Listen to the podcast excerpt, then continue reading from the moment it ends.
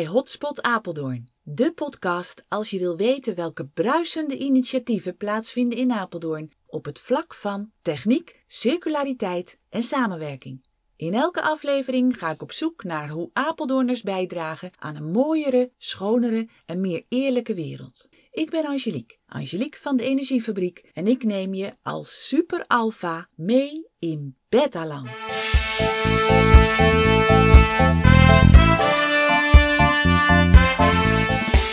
Vandaag is Jacob Brobbel te gast, een strateeg met een vooruitziende blik en al vele jaren een voorvechter en pleitbezorger van burgerparticipatie. Jacob kijkt dwars door functies, hokjes en labels en legt verbindingen tussen alles en iedereen. Met hem spreek ik over volhouden en blijven geven, over de onbegrensde mogelijkheden van netwerken en over het verliesmodel en de waarde van participatie. Ik zit met Jacob Brobbel aan tafel. En Jacob is oprichter van de Energiefabriek en doet ook veel met burgerparticipatie bij Newtech Park ook, heb ik begrepen. Dat klopt toch? Ja, klopt helemaal. Ja. hey Jacob, uh, ben jij eigenlijk een, uh, een echte Apeldoorner? Ik ben een echte Apeldoorner. Hier geboren? Geboren en getogen in Wenum-Wiesel. In Wenum-Wiesel. Oh, dat, ja. en dat rekenen we onder Apeldoorn, toch? Ja, ja dat is een van de dorpskernen van Apeldoorn. En het ligt op drie kilometer afstand van het centrum van Apeldoorn. Aha. Dus dat is dichterbij als de Maat. En hoe heb je dat met je studie gedaan dan? Met de fiets. Ook in Apeldoorn? Uh, ja, eerst in Vaassen en toen in Apeldoorn. Aha. En wat voor studie was dat? Techniek, energietechniek. Bij? Uh, dus technische opleiding bij de, ja, het was toen de tijd de MTS, zeg maar, de technische school. Ja. En wat vond je daar nou ontzettend leuk aan? Dat weet ik eigenlijk niet. Ik, uh, ik deed het maar. Ik heb toen uh, wel nagedacht welke studie vind je leuk. En laboratoriumschool kwam langs, de lerarenopleiding kwam langs. Ik wist het eigenlijk gewoon niet, dus dan heb ik eigenlijk zomaar wat gedaan. En, en je diploma gehaald ook? Ja, ja. En dan kom je van die school af met een diploma, met iets waarvan je denkt, nou, ik kan iets in techniek, maar ik word er nog niet helemaal warm van. En dan? Nou, wat ik, ik vond wel veel dingen leuk. Toen ben ik, uh, ik was blij dat ik uh, mijn militaire dienstplicht kon doen. En daar kreeg ik een onderofficiersopleiding en dat vond ik helemaal fantastisch. Want dat had iets avontuurlijks. Aha. En uh, het voordeel van mijn technische studie was wel dat ik bij de verbindingsdienst terecht kwam. Daarmee heb ik zeg maar, een militaire opleiding gekregen. Over uh, kameraadschap en uh, de kracht van samenwerken, avontuur, nou heel veel dingen. Dus dat was wel, dat was wel een vervolg van mijn, mijn persoonlijke ontwikkeling. Ja, en je zegt uh, er kwam avontuur bij. Ja. Dat vond ik leuk. Ja. En het samenwerken. Ja. Dus dat inzicht had je. En wat was dan de volgende stap? En nog meer avontuur. En dat is op reis gaan. En uh, toen ben ik naar Australië gegaan. Oh, toen maar. Ja. Voor onbeperkte tijd en onbeperkte bestemming. Of, uh, ja, Australië. Oh, ja. ja. En hoe heb je dat ingevuld? Door ook daar uh, zeg maar, rondreizen. Ik ben uh, Australië rondgetrokken, door het midden, de hele kustlijn uh, rondgereisd. En overal gestopt en gewerkt. En plezier geleefd en ja, alles gezien en gedaan. Hoe lang?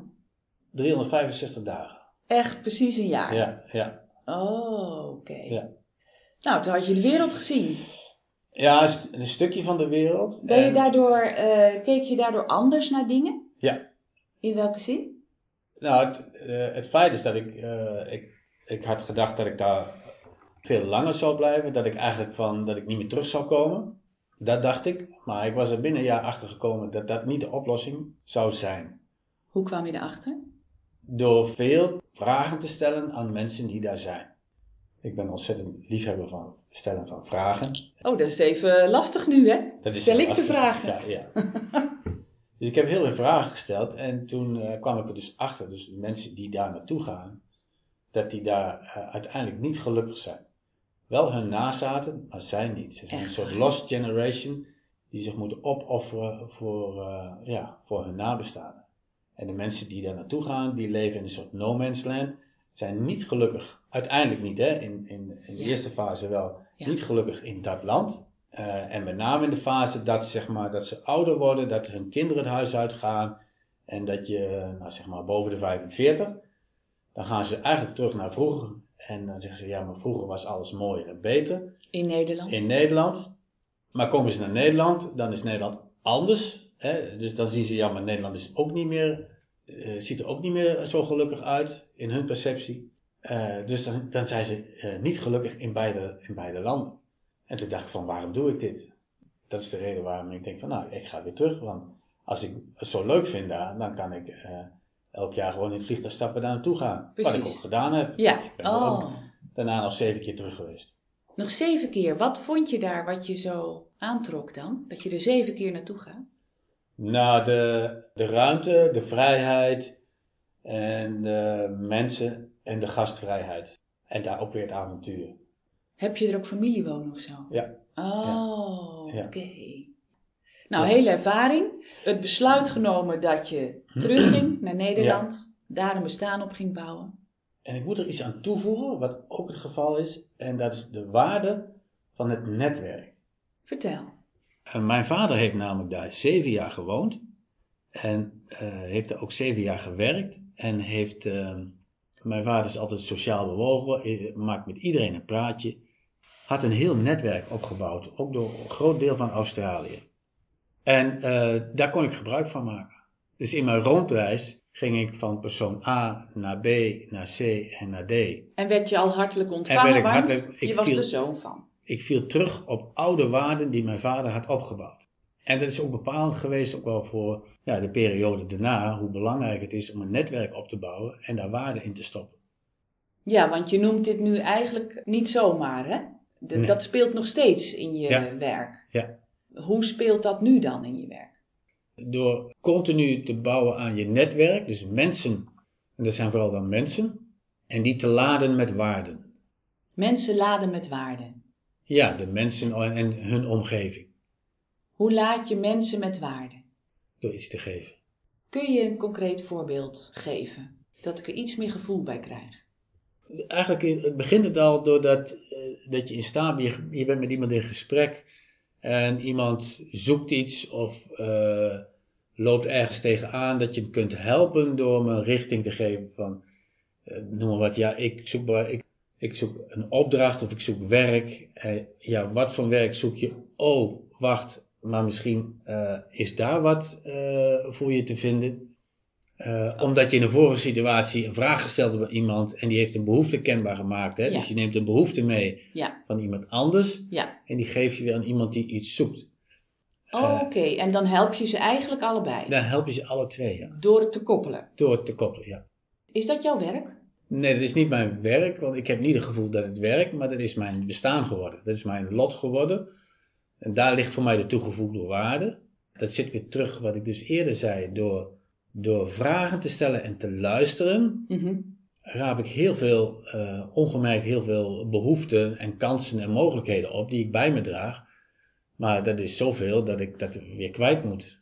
Maar dat moet je wel kwijt aan, aan iemand die daar iets mee kan. Ja, En daar kom ik dan weer achter door weer vragen te stellen aan anderen. En die zeggen, ja, maar ik heb deze behoefte. Maar, maar daar liggen nog bepaalde waarden. Dus Ja. dan, dan ben ja want dan- hoe passen die waarden daar dan in? Dat is het gevoel wat ik erbij heb. Ik denk dat het waarde heeft, maar uiteindelijk de ontvanger bepaalt of dat zo is. Ja, want bijvoorbeeld als je nou een, eh, een zorginstelling hebt en die heeft cliënten en die willen meer in de maatschappij. Ja, Is dat een goed voorbeeld van zo'n Ja, mogelijke behoefte en dan een koppeling met een bedrijf wat, die, wat mensen zoekt? ja. Eh, Want hoe die- zitten dan die waarden daarin? Nou, je haalt het nu even van het persoonlijk niveau, hè, van het menselijk niveau naar het organisatieniveau. Ja. Maar daar werkt het precies hetzelfde. Zo'n zorginstelling heeft veel mensen die willen ze terugplaatsen in de maatschappij. Zo wordt het ook kenbaar gemaakt.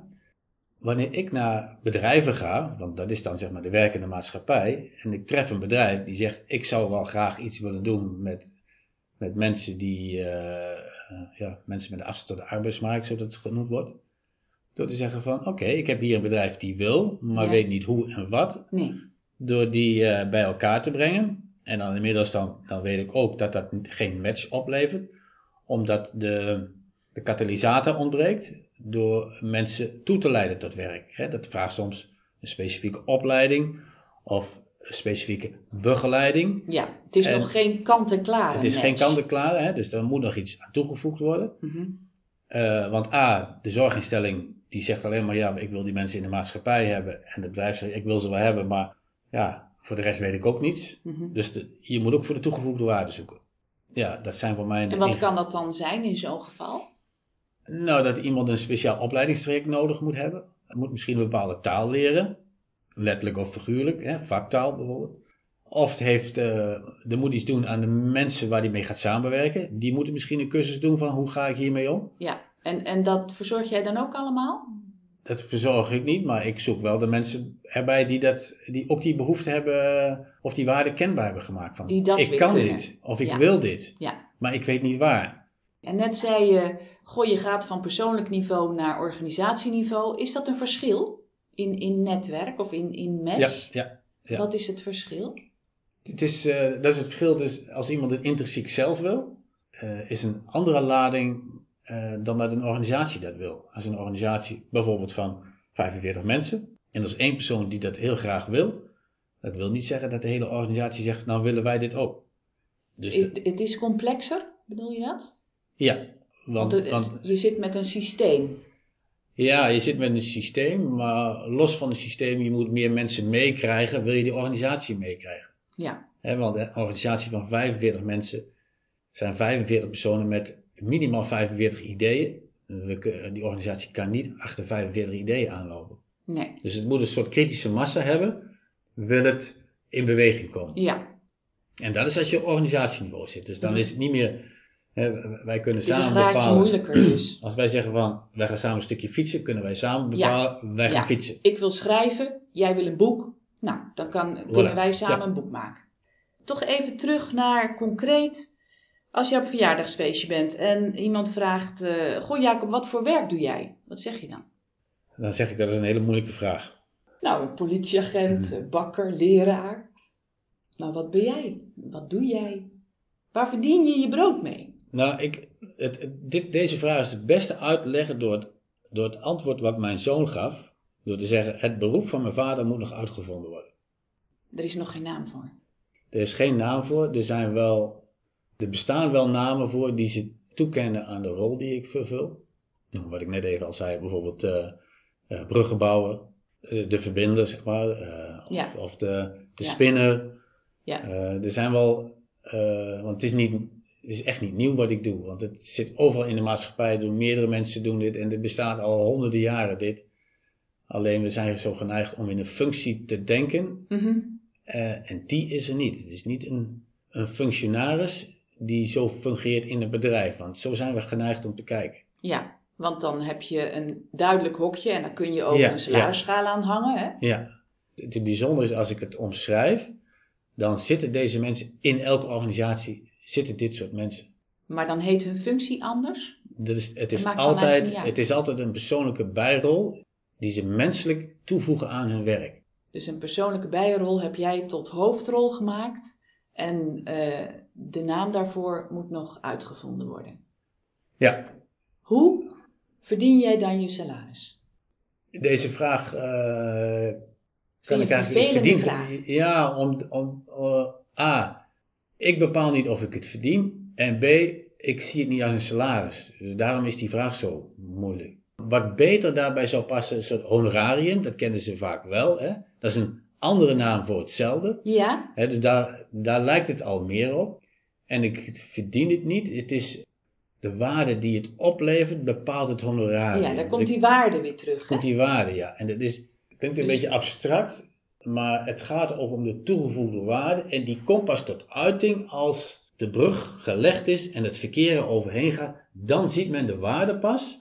En dan is men ook geneigd om die waarde eraan toe te kennen. Ja, en, en die brug is concreet, is zichtbaar, is aanraakbaar. Ja, Eh, en, en wat jij doet, dat ligt eigenlijk daarvoor om het mogelijk te maken dat die brug er überhaupt gaat komen. ja, ja. En, en dat eh, mensen aan de ene kant van de brug en aan de andere kant eh, dat samen gaan doen. ja. En dan ga ik iets anders spannends vertellen, want het is natuurlijk, eh, Ja, daar zijn we altijd voor in hoor. ja.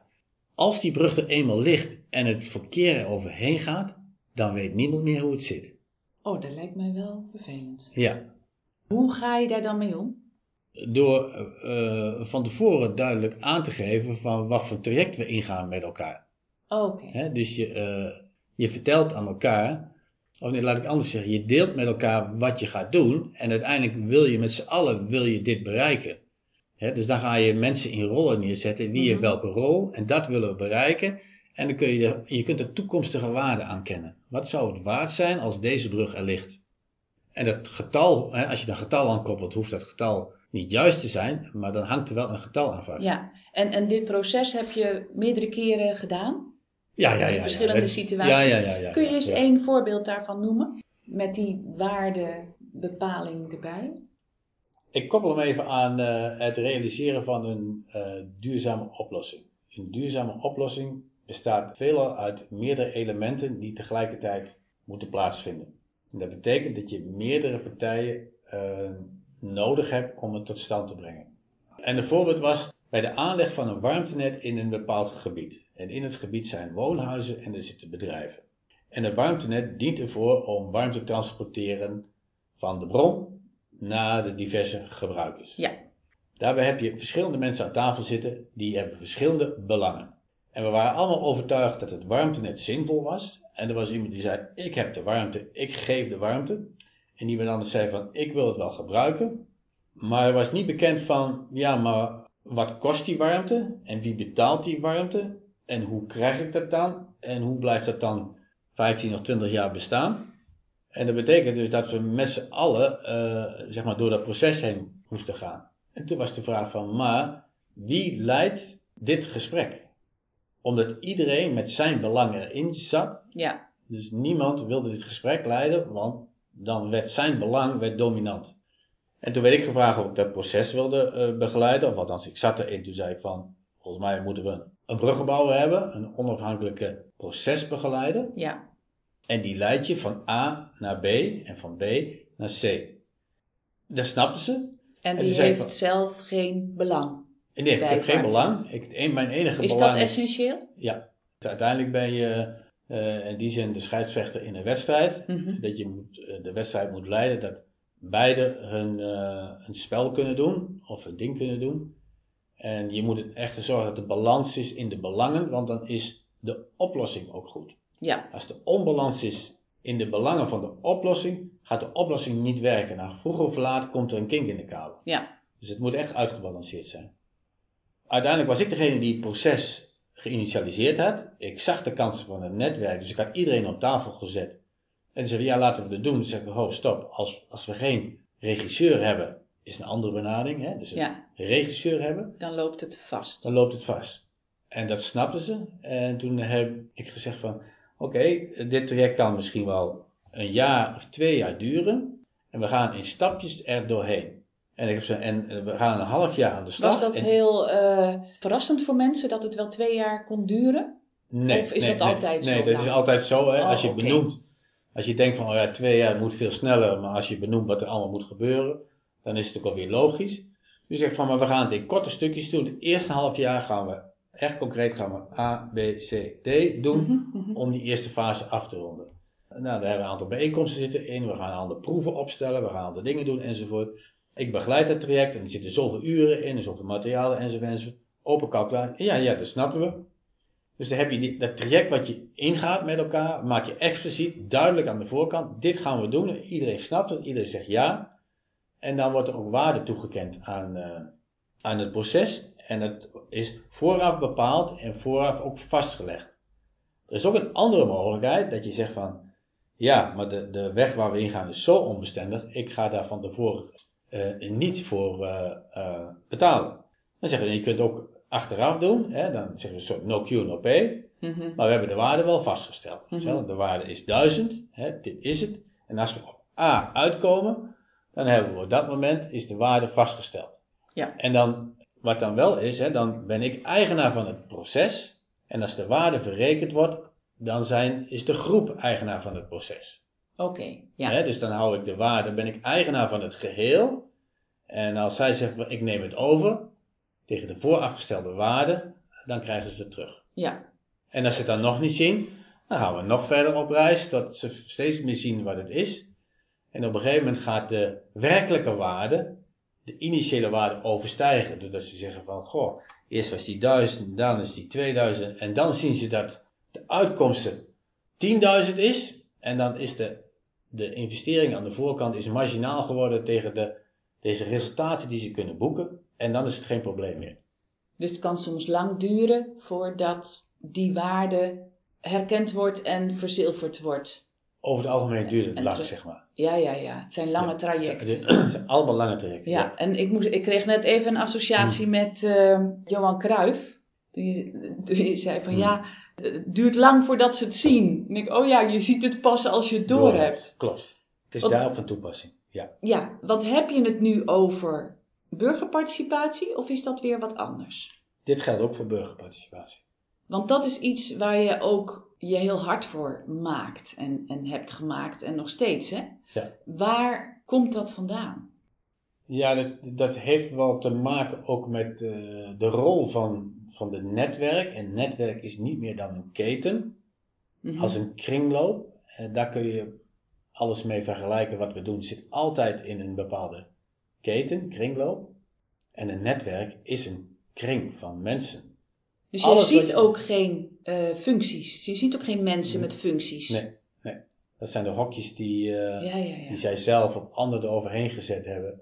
En ik kan je wel vertellen, daar mis je uh, 80% van de inhoud mis je door iemand in een hokje te bekijken. Dus je ziet het netwerk, je ziet de rol die iemand kan vervullen bij, bij een bepaald project. Of zo zeg ik het zo goed? Kijk, de functie heeft wel een waarde, hè? want een functie of een rol heeft wel waarde omdat die, uh, dat die bepalend is om een keten te laten functioneren. Ik zal je even een voorbeeld geven. Mm Stel dat er iemand is die werk heeft, een functie of een rol binnen een bouwbedrijf. En als in een, in een bepaalde oplossing die we moeten realiseren een bouwbedrijf essentieel is, dan kan deze man het verschil maken in die organisatie.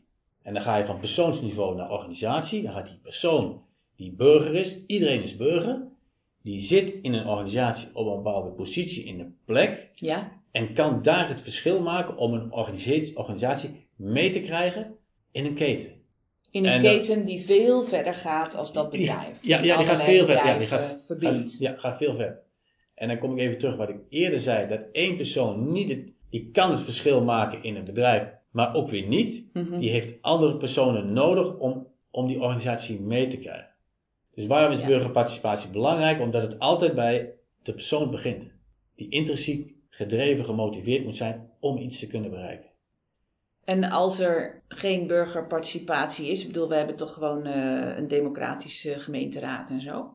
Wat gebeurt er dan?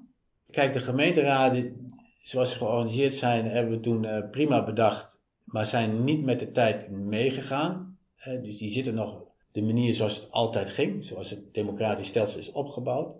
En de roep aan de voorkant dat gemeenten graag participerend willen zijn, vraagt een enorme innovatie van ook van hun eigen democratisch stelsel en de gemeenteraad. Mm Maar dat gebeurt niet. Innovatie gebeurt nooit vanuit zichzelf. Hè? Dus de gemeenteraad gaat zich niet opnieuw uitvinden. Nee. Wat zijn dan de belangrijkste verschillen tussen een burgerparticipatiegroep, burgers die gewoon vanuit enthousiasme zeggen: hey, dit onderwerp over duurzaamheid of over tiny houses of over noem maar op. Dat interesseert mij. Of de gemeenteraad die daar ook uh, goede dingen mee wil doen voor de stad. Wat zijn nou de belangrijkste verschillen dan? Op dit moment zijn de, de verschillen dat de, de problemen kenbaar worden binnen een gemeente. Die ziet wat er voor problemen zijn. En zij komen zelf met de ideeën, plannen om dat te verbeteren. Maar zij zijn degene die bepalen of wel of niet iets gebeurt. En, uh, maar zij zijn inhoudelijk niet goed op de hoogte van wat wel of niet werkt.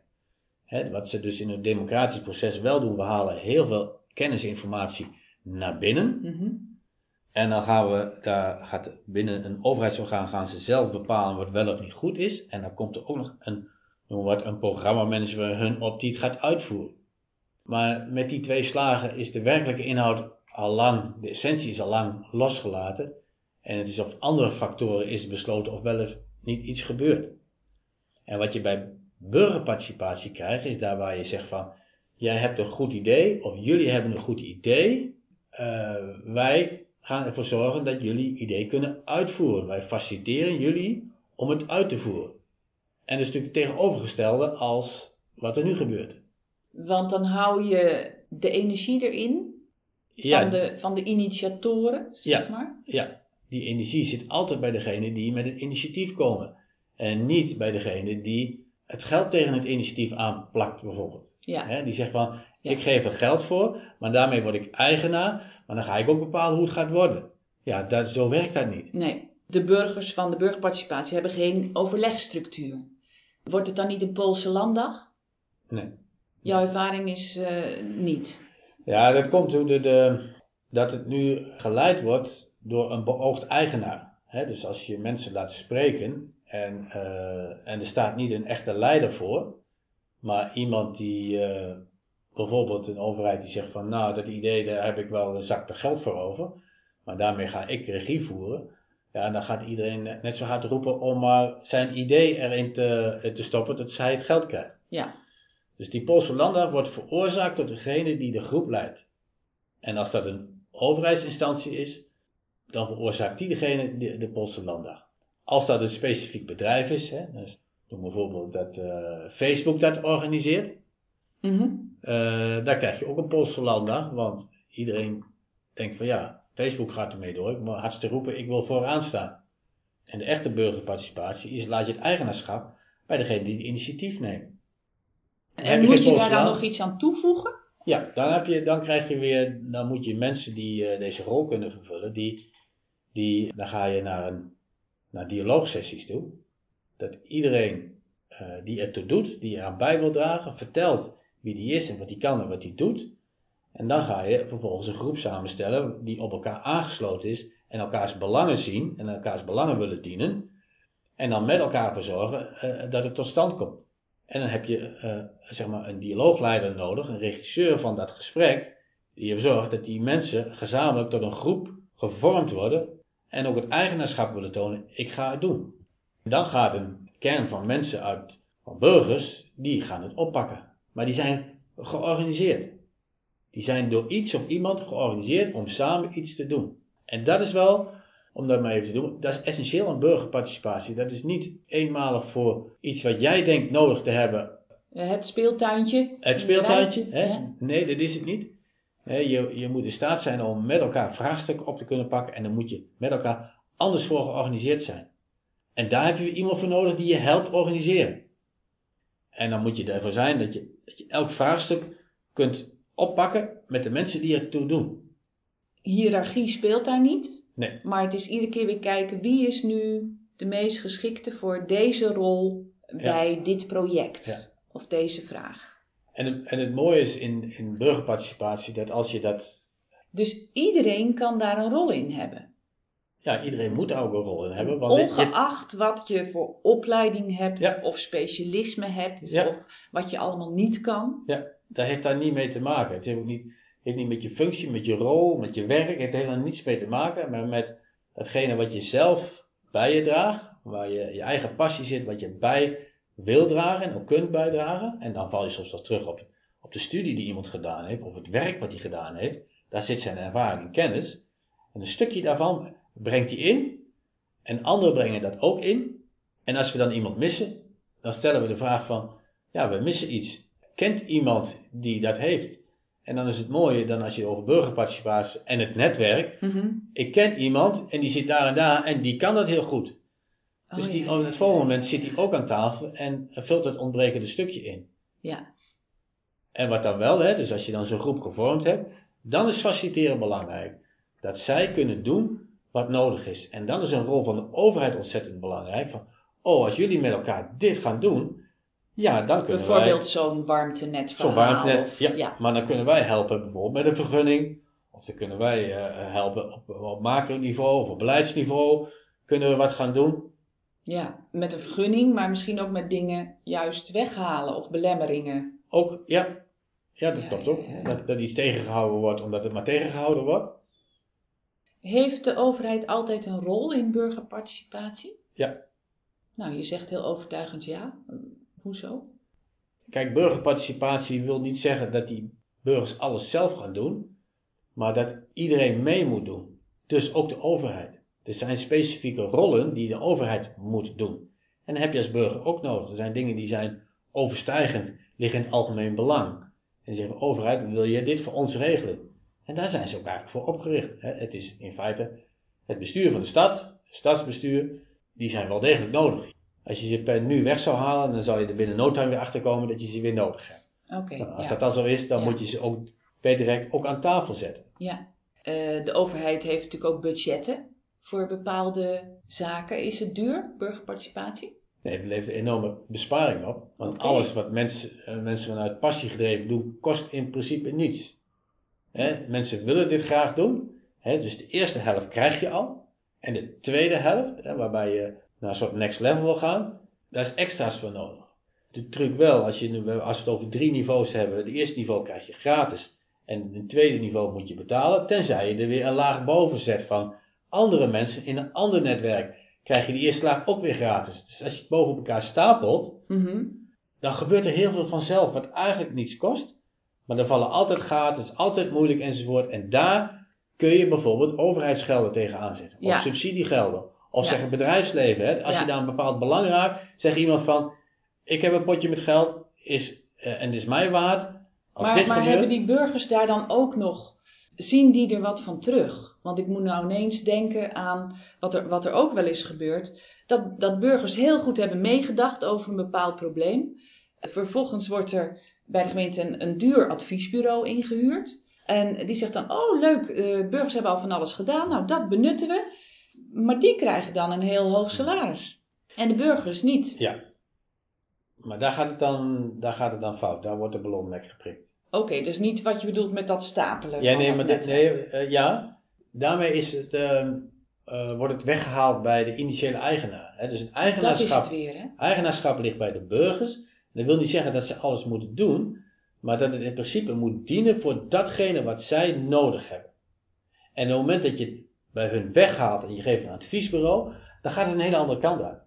En misschien is dit wel een mooi bruggetje om het werk wat ik doe, is dat je als burgerparticipatie van tevoren moet bepalen wat het waard is wat je doet. Ja. En dat je zegt van dit is de waarde, wij gaan het doen. En als ze het dan nog niet zien, dan zeggen we doen we nog een stapje. En op een gegeven moment ziet de overheid, bijvoorbeeld bij of een bedrijf, wow, dat is interessant wat je gedaan hebt. Dit is erg waardevol. Maar je houdt het eigenaarschap bij je doordat je zegt van, ja, je mag er van alles mee doen, maar ik ben eigenaar.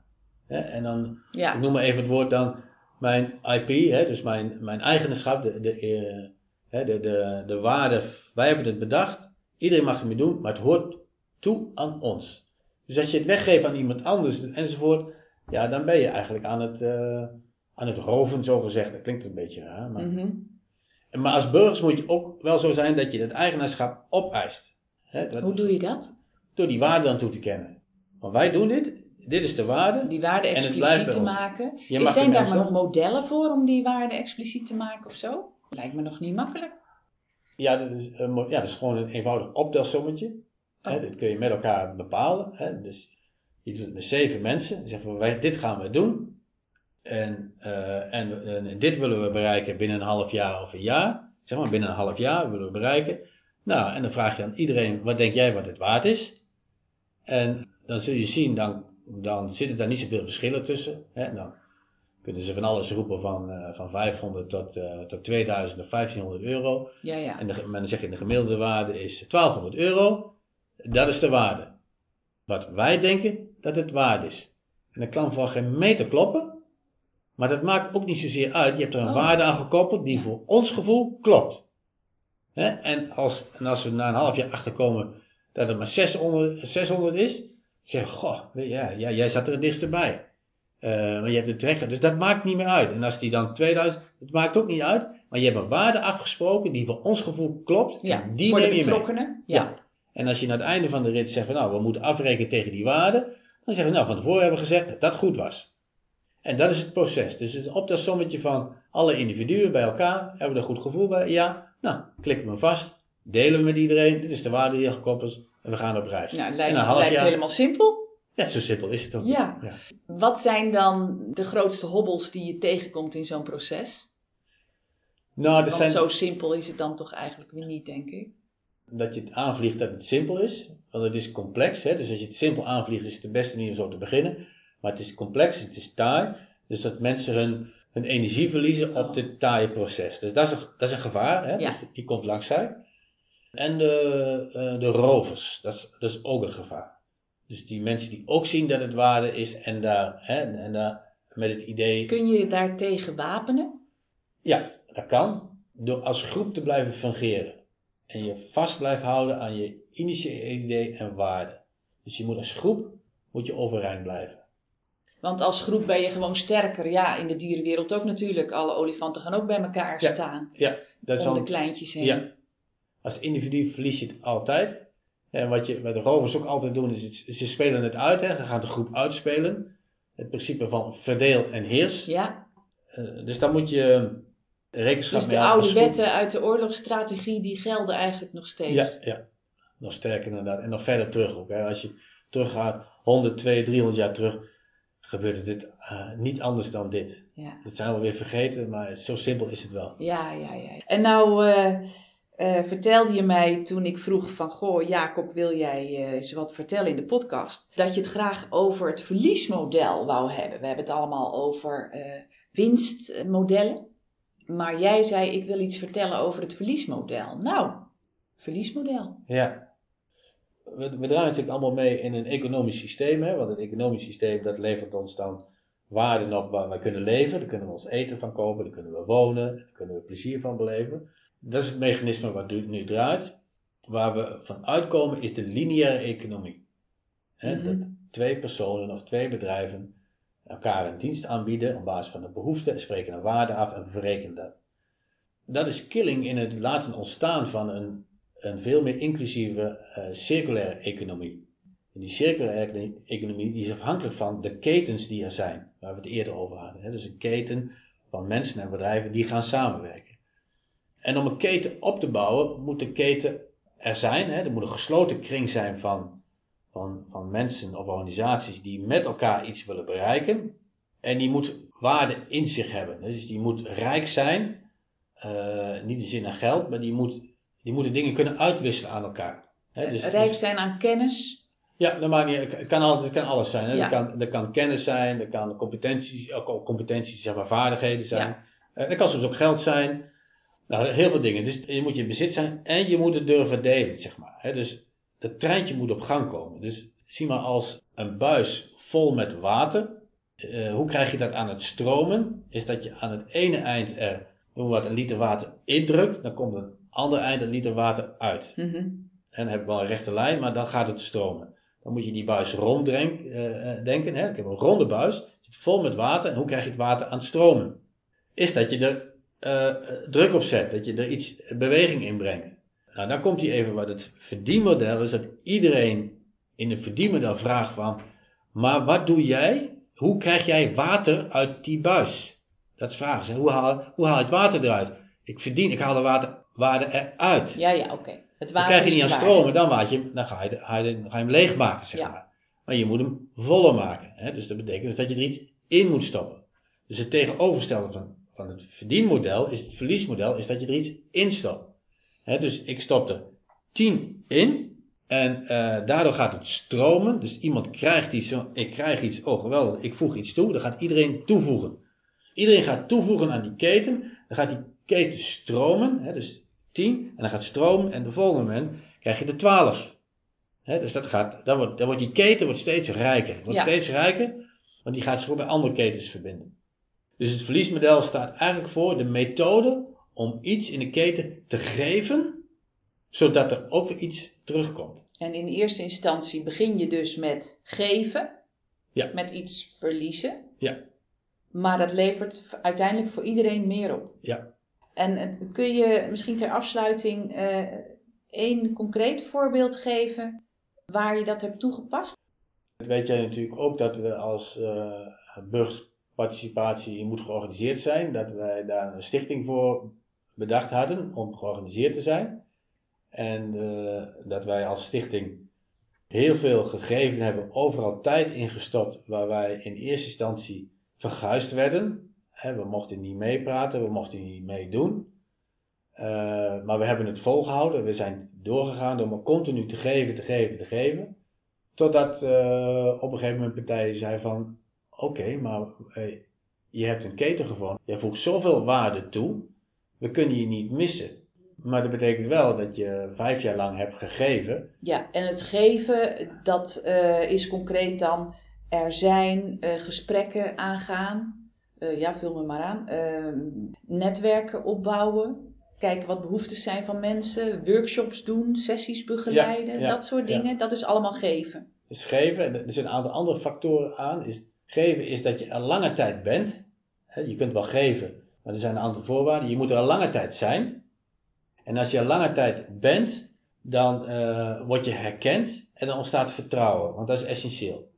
Dus als je ja. iets geeft in een keten en je hebt geen, uh, uh, geen zuivere keten, dan, dan wordt het onderweg, ben je het kwijt. Hè? Want ja. iedereen geeft. Op allerlei fronten worden, geven mensen hun tijd, aan iedereen is dat gebeurd. Ja. In die cirkeleconomie moet je A, eerst voor zorgen dat je een gesloten keten hebt. Ja van vertrouwensmensen. Cirkeleconomie noem je dat. Ja, cirkeleconomie. Ja. Dus er zitten, en, en de cirkel begint vanaf drie personen, want dan kun je een cirkel maken. Of drie organisaties. Ja. Vertrouw je elkaar? Ja. Uh, en als vertrouwen is, ja, meestal vertrouw je elkaar als je elkaar lange tijd kent. Of dingen met elkaar gedaan hebt, dan vertrouw je elkaar. Nou, dan is de waarde, dat, nou, ik geef iets in de keten en dat je dan terugkrijgt. Dus er zijn wel wat voorwaarden. Voordat je geeft, moet je wel toetsen van, uh, is, er een, is er een gesloten keten? Vertrouwen we elkaar? En dat je een doel hebt, wat ga je dan doen? Oké, okay, ik geef iets. Ja. Ik, dan zei, nou, ik, ga, ik stop de tijd en ik geef een workshop. Ja. Of ik doe tien dingen, ik doe A of B. Dus je moet het op gang brengen. En er is maar één iemand nodig die het op gang hoeft te brengen. Dat heb je vaak wel. Het is wel een katalysator om een proces op gang ja, te brengen. Ja, je hoeft niet met een groep van 100 man, uh, want nee, anders nee. dan gebeurt het nooit in de wijk. Het kan er één zijn. Je hebt één iemand nodig en die moet je koesteren. Die moet je koesteren. En uh, dat is uiteindelijk de, ja, maar aan, aan het begin van de, is altijd iets aan het begin van de keten. En, en dat is waardevol. En dat is ook altijd bepaalde type persoon of organisatie. Op een gegeven moment ken je die personen wel en dan moet je altijd voor zorgen dat die er in de keten zit. En dan moet je tegen de keten zeggen, dat is de belangrijkste persoon van jullie keten. Zorg goed voor hem.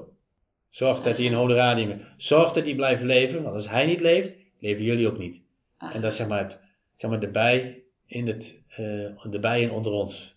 Dus je helpt ook mensen in de keten om te zien hoe het werkt. En wat Ja. helpt en wat niet helpt. Wat ik nu doe is wat ik net over had, die verschillende ketens boven elkaar stapelen of langs elkaar heen laten draaien. Want elke keten heeft een nieuwe keten nodig. Mhm, mhm. Dus ik ben aan het keten bouwen en mijn meeste werk gaat naar de bijtjes zoeken van die nieuwe keten. Oh ja, die, die Ja, zoek stuiven van de ene. Ja, de een naar de andere. Hè. Dus dan zeg ik van, dit is jullie bij, koester hem. Hè. Dus dan bouw ik de keten. Dan zet ik het bijtje erin. Ik zeg, zorg voor hem. Ja, Want hij gaat niet om geld vragen. Hij doet gewoon dingen. Maar zorg voor hem dat hij blijft doen voor jou wat hij moet doen. Anders dan zoomt hij ergens anders naartoe. ja, ja, ja. ja. Mooi, mooi voorbeeld. hey, eh, Jacob, tot slot. Hoe kunnen Apeldoorners hun stad toekomstbestendiger, mooier, bruisender maken? Ja, het is natuurlijk het is mijn eh, hometown zo gezegd. En eh, ik ben verschillende ketens aan het bouwen in de stad. En ik heb behoefte aan bijtjes, zeg maar. Dus ik wil, ik, ik ben op zoek naar bijen. Dus ja, ik, hoe zien die eruit? Wat, waar moeten ze aan voldoen? Iedereen in de stad is een bijtje. Als iemand denkt dat hij een bijtje is in deze stad, in welke vorm, die wil ik wel graag ontmoeten om hem te zeggen van ik heb een, een keten voor jou, zeg maar, een, een, zeg maar, bij je volk, waarin jij maximaal van toegevoegde waarde bent. Dus jij wil iets betekenen voor de stad. Ja, ik zou ze wel graag willen uh, ontdekken, zeg maar. En waar kunnen ze jou vinden?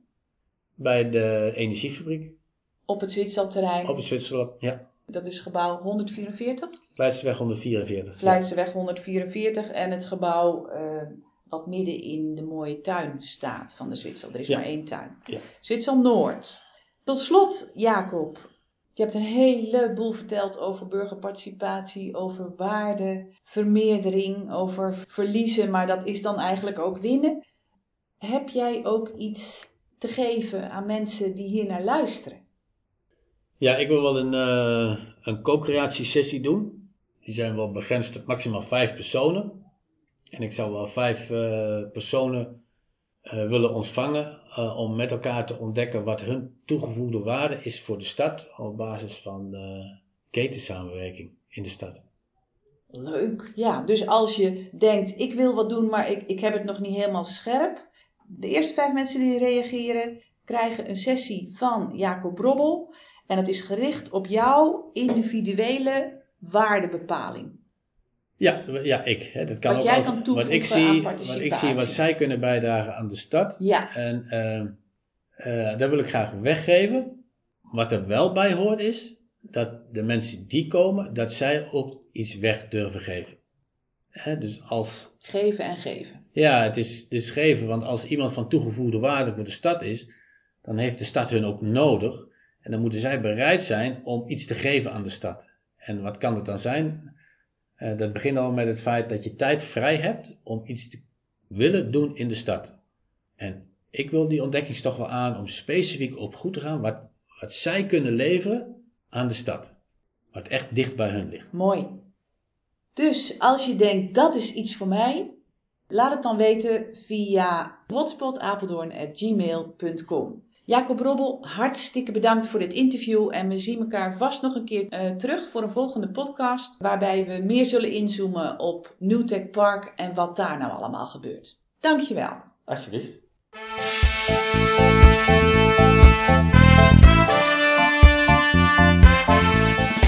Dankjewel voor het luisteren naar Hotspot Apeldoorn. Helemaal top.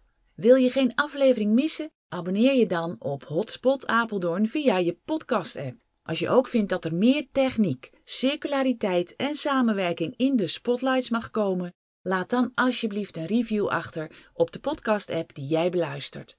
Heb je zelf ideeën voor deze podcast of heb je misschien een inzicht opgedaan dat je wilt delen? Helemaal leuk, laat het me weten. Mail naar hotspotapeldoorn.gmail.com en dan is pot met de D van podcast. Nogmaals super dank voor het luisteren en tot de volgende aflevering.